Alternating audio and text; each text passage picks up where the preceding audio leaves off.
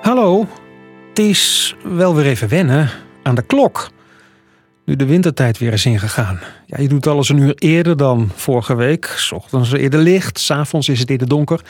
De duiven die eerst altijd om half negen om hun voedsel bedelden in de radiotuin, die zijn er nu opeens al om half acht. Ja, dieren houden natuurlijk geen rekening met onze klok, maar wel met hun eigen biologische klok, denk ik toch.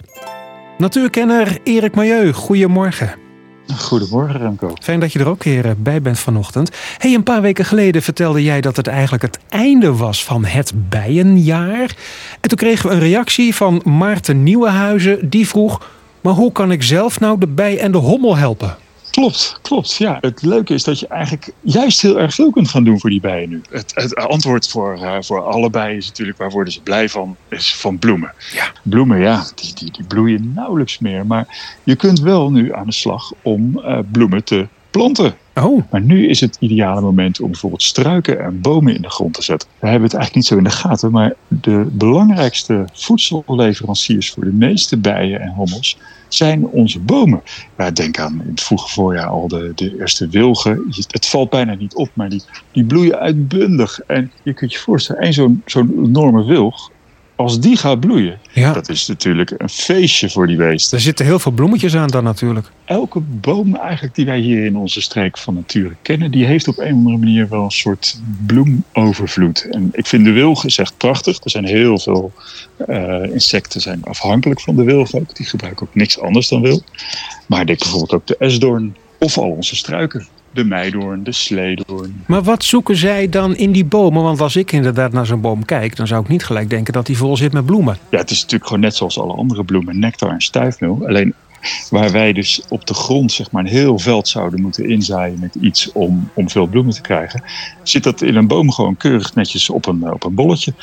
En dat is misschien eigenlijk wel het mooiste. Uh, die bomen die zijn een soort hele stabiele factor door het jaar heen qua bloei. Want we kennen dus inderdaad die fruitbomen die in het voorjaar bloeien.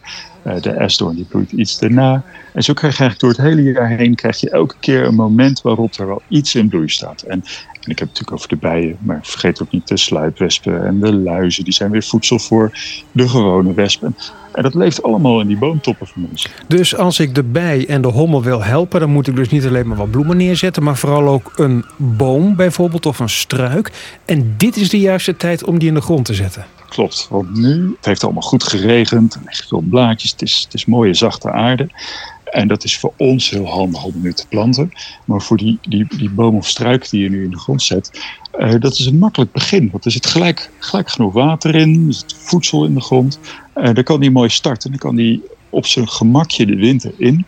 En als hij dan volgend voorjaar echt aan het werk moet, ja, dan heeft hij eigenlijk een gespreid bedje. Nou staat de radiotunnel vrij vol, maar misschien kan ik toch nog ergens een hoekje vinden voor een struik. Want het hoeft niet eens per se een hele grote struik te zijn, denk ik. Nee hoor, het kunnen gewoon hele subtiele struikjes. Ja, kijk, je kan de meeste struiken natuurlijk best wel serieus terugsnoeien. Nou, die past eigenlijk altijd wel in een hoekje ergens. Ga ik eens eventjes op zoek naar een hoekje in de radiotuin. We, we hebben weer wat om te doen buiten, tussen de regenbuien en de zonnestralen die we in deze periode van het jaar hebben. Zo, dankjewel, Erik Milieu. Ik spreek je volgende week weer. Het zal nog wel een hele zoektocht worden trouwens naar een leeg plekje in de radiotuin, want die is best wel vol. Bloemboor moeten er trouwens ook alweer in, hè? Het wordt nog druk. Maar goed, dat is allemaal voor de natuur. Leuk dat je weer luisterde naar de Radiotuin. Alle babbels vind je op radiotuin.nl. Wil je reageren? Dan kan dat daar natuurlijk ook. Tot volgende keer.